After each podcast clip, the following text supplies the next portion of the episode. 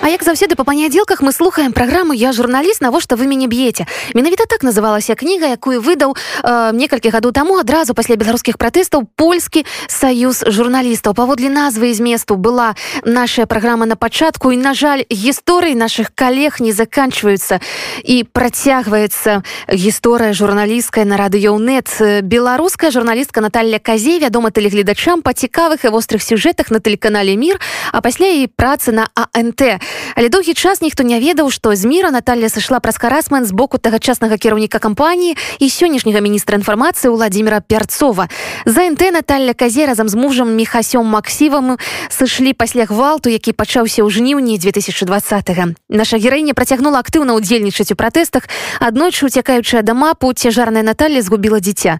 Зараз яна з сям'ёй жыве ў нямметчыне ў беларусі яна ў спісе юты. Перыядычна былыя калегі робяць пра яе абразлівыя сюжэты або пішуць абразы ў сацыяльных сетках. Але Наталья працягвае наведваць акцыю падтрымку дэмакратычных зменаў, здымаць фільмы пра герояў сучаснай Беларусі і верыць, што цемра аднойчы згіне. Я журналіст. За что вы меня бьете?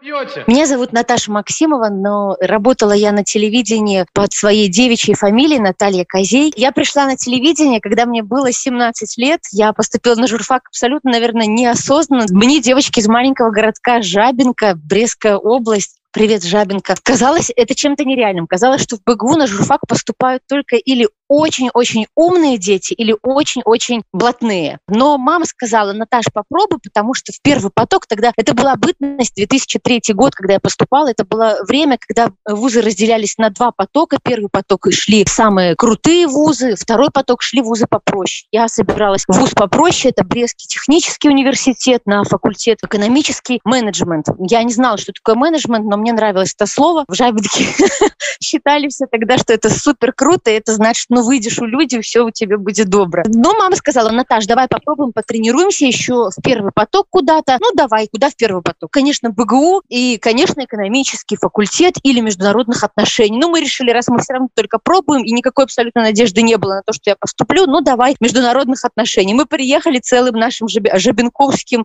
табором, как у нас скажут. Я, мама, папа, тетя Оля, дядя Саша. Мы все приехали, зашли в этот БГУ, и мне что в последний момент я смотрю, о, факультет журналистики там принимают документы. Я говорю, мам, так может давай туда попробуем? Он говорит, с какого это такого? Э, зачем вообще туда пробовать, если где ты, где журналистика? А мне как-то в детстве в школе все говорили, Наташ, попробуй, поступай, ты будешь диктором, журналистом, ты всегда такая, ты всех там все везде. И я всегда к этому относилась как-то как к шутке какой-то. Вот. Но тут не знаю, я не могу сейчас понять, почему меня туда потянуло, почему так. Наверное, какая-то вообще супер-пупер мечта, которая была очень глубоко. В общем, мы пошли, ну, и я поступила на журфак. Правда, на платное. Кто знал тогда, что на платное можно поступить? Мама с папой решили, что да, будем тянуть, будем учиться. Но я, конечно, себя очень корила, что они во всем себе отказывают. Поэтому моей целью было поскорее начать начать работать, самой зарабатывать и самой оплачивать эту учебу. Поэтому я уже после первого курса пошла на телевидение. Это было Брестское телевидение, как практика у меня была в начале. И мне тогда сказали, ну, оставайся, приходи на заочку, будешь у нас работать. Но мне казалось, господи, ну, заочка я всегда успею, наверное, надо же еще чему-то поучиться. И я все-таки отказалась и пошла дальше учиться на дневное, но продолжая сотрудничать. На каникулах приезжала в Брест. Брест очень близко от Жабинки. И там делала сюжеты какие-то свои первые. Я как сейчас помню и смеюсь, что сюжет состоял из двух закадровых, одного синхрона, но зато мы работали на белорусской мове, это было очень здорово. И мне, конечно, было немножко трудновато, но зато я понимала, что пару лет вот так поработать на белорусской мове, и для меня этот язык станет уже гораздо-гораздо-гораздо более легким в общении, чем русский. Сейчас, к сожалению, я говорю на русском в своей повседневной жизни, хотя, конечно, белорусский тоже знаю. После второго курса университета у нас предложили уже практику в Минске, уже не обязательно ехать э, к месту жительства своего. В Минске, ну им что, я тогда думаю, так, ну БТ точно нет, потому что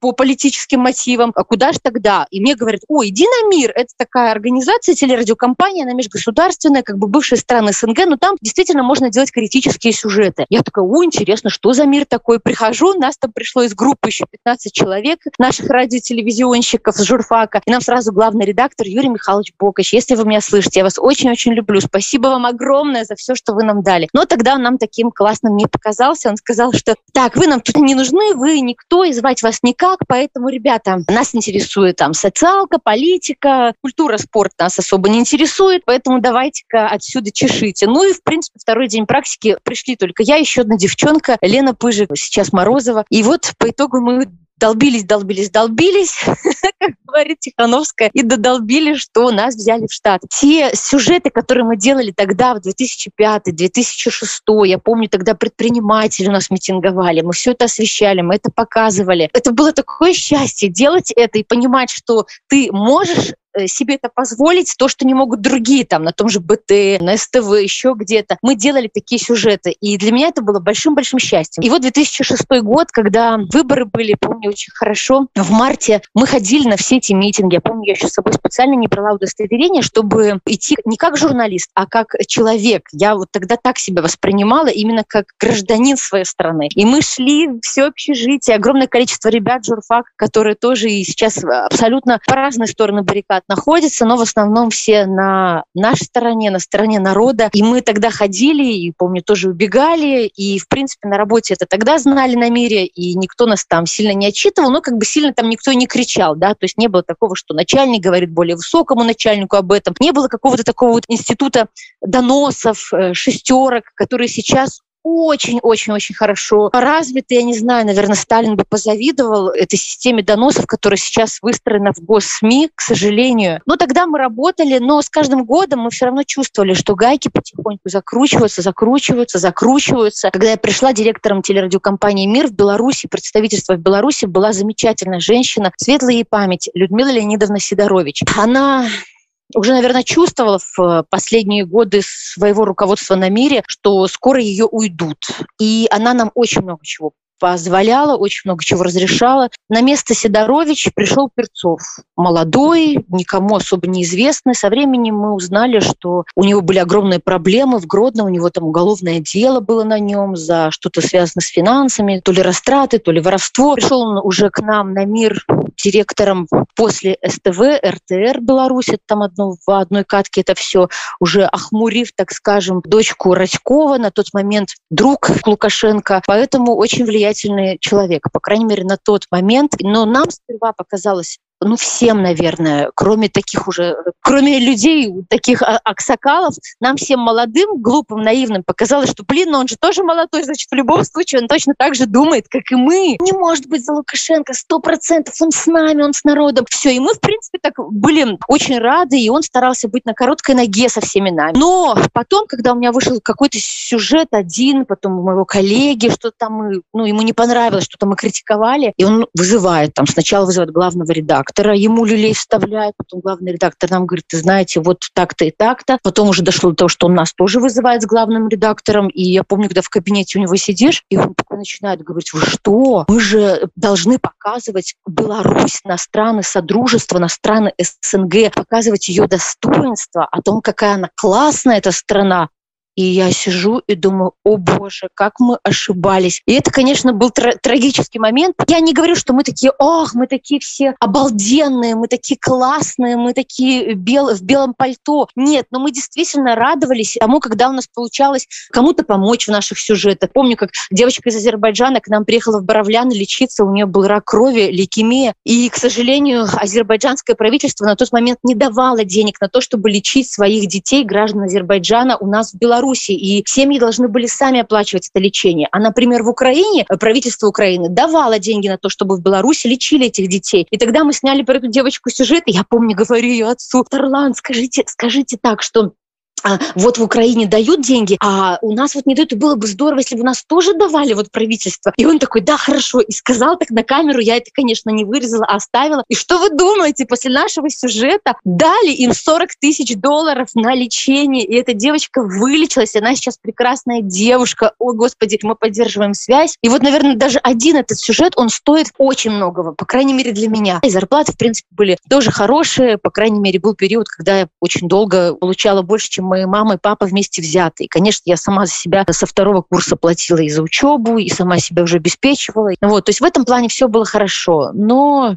Были вещи, которые, наверное, нельзя никакими деньгами мерить. Вот. Потом у нас был корпоратив. Корпоративы Перцов очень любил. Что таить греха, мы тоже все любили. Мы все молодые, мы все любили корпоративы, танцевать, отрываться, э, караоке петь. И на одном из таких корпоративов, посвященном дню рождения радио «Мир», Перцов выпил изрядно, все, все выпивали. И в туалете он начал приставать. Причем это как-то было так все очень быстро, так все непонятно, что мне потом даже казалось, господи, какой ужас, э, как я вообще могла там, ну, как-то не так отреагировала, надо было там дать по морде. Вот, но я просто убежала. Все это было очень грубо и неприятно, и потом мне было так плохо, было просто противно. Я даже никому не рассказывала, знал только один мой друг об этом. Потом уже, конечно, я рассказала еще нескольким людям, когда время какое-то прошло. Но я для себя так решила, что все, я ухожу я тогда ушла и так никому не сказала, почему я ушла.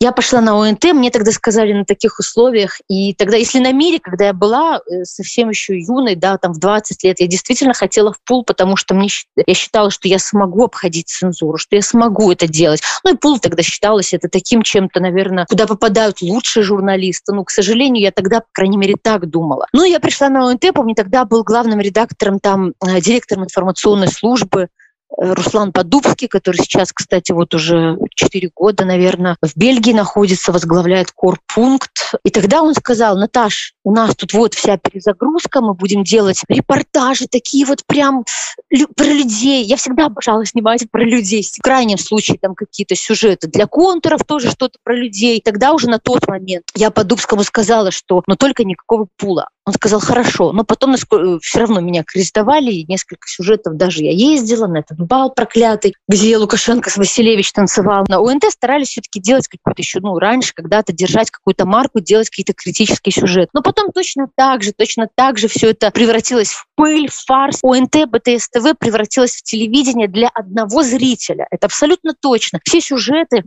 чуть-чуть приближенный даже к политическим, все это надо было согласовывать. Эйсмонт, извините меня, сколько у нее там мозгов, да, рулила всеми этими делами, писала, э, осветите в сюжете то-то и то-то и то-то. И все бабы, да-да-да-да-да, побежали делать. Эйсмонт сказала, так, вот, все, надо, значит, написать так.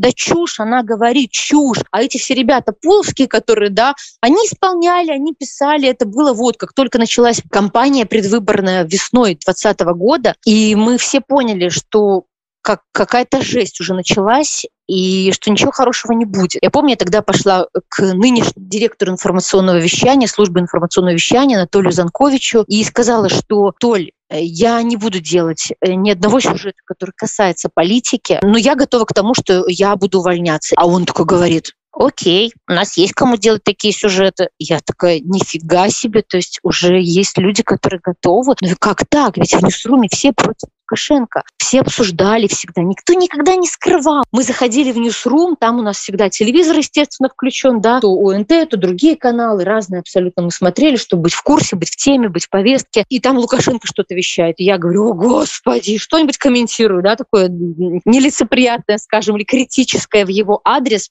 Все такие, да, да, о, господи, фу, там Кряквин, который сейчас, э, который вот самый гадкий сюжет делает, наверное, на ОНТ, ну или один из, который начал, вот про Бабарика еще в мае, я помню, он снимал, делал сюжет с КГБшниками вместе. Он тогда говорил, да это цыган, фу, господи, какой придурок. Ну, сейчас ему дали квартиру, и он так больше не говорит. После 9 августа мы точно поняли, что мы уходим. Я, честно, тогда не знала, как отреагирует муж. Я не знала, уйдет он за мной или нет, но он сказал, конечно, Наташа, ты что, как после этого работать? То есть мы были вместе. Я очень счастлива, что мы вместе ушли, и что ушли с нами еще много-много народу. На самом деле с ОНТ, ОНТ это же не такая большая компания, как БТ. На БТ там работает, не помню, 2000, 3000, какие-то дикие цифры. На ОНТ работает там 300 человек. И у нас ушло сразу же там около 80 человек ушли. И это ушли не бухгалтеры, ушли не, а ушли именно рабочие лошади, которые делают эфир. Но, к сожалению, это моя боль. Э, с, люди, с которыми мы ходили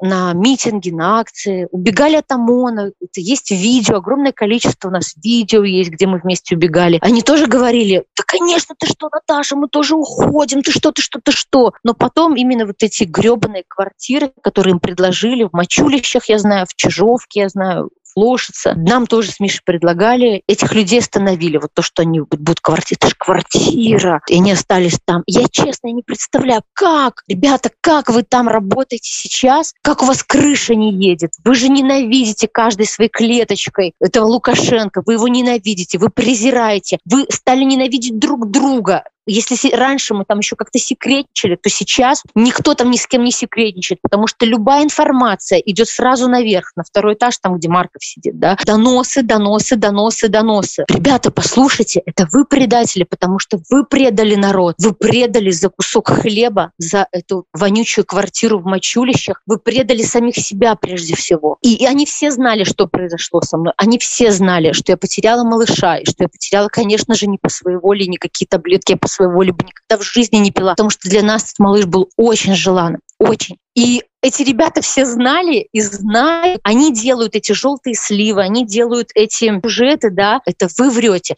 Врете друг другу, врете народу, врете сами себе, врете своему ненавистному диктатору вы врете, вы утопли просто в этой волжи, в этой грязи. Остановитесь, станьте наконец-то свободными. Сегодня я с мужем и с дочкой, мы живем в Германии, в Кёльне, и мы стараемся на каждой акции ездить. Мы знаем, что мы должны держать эту повестку информационную, новостную, белорусскую на виду, чтобы люди, живущие, да, европейцы в Германии, не забывали. Наконец-то нас уже все знают. Наконец-то мы добились этого, мы сделали. Теперь наша задача, чтобы о нас не забыли.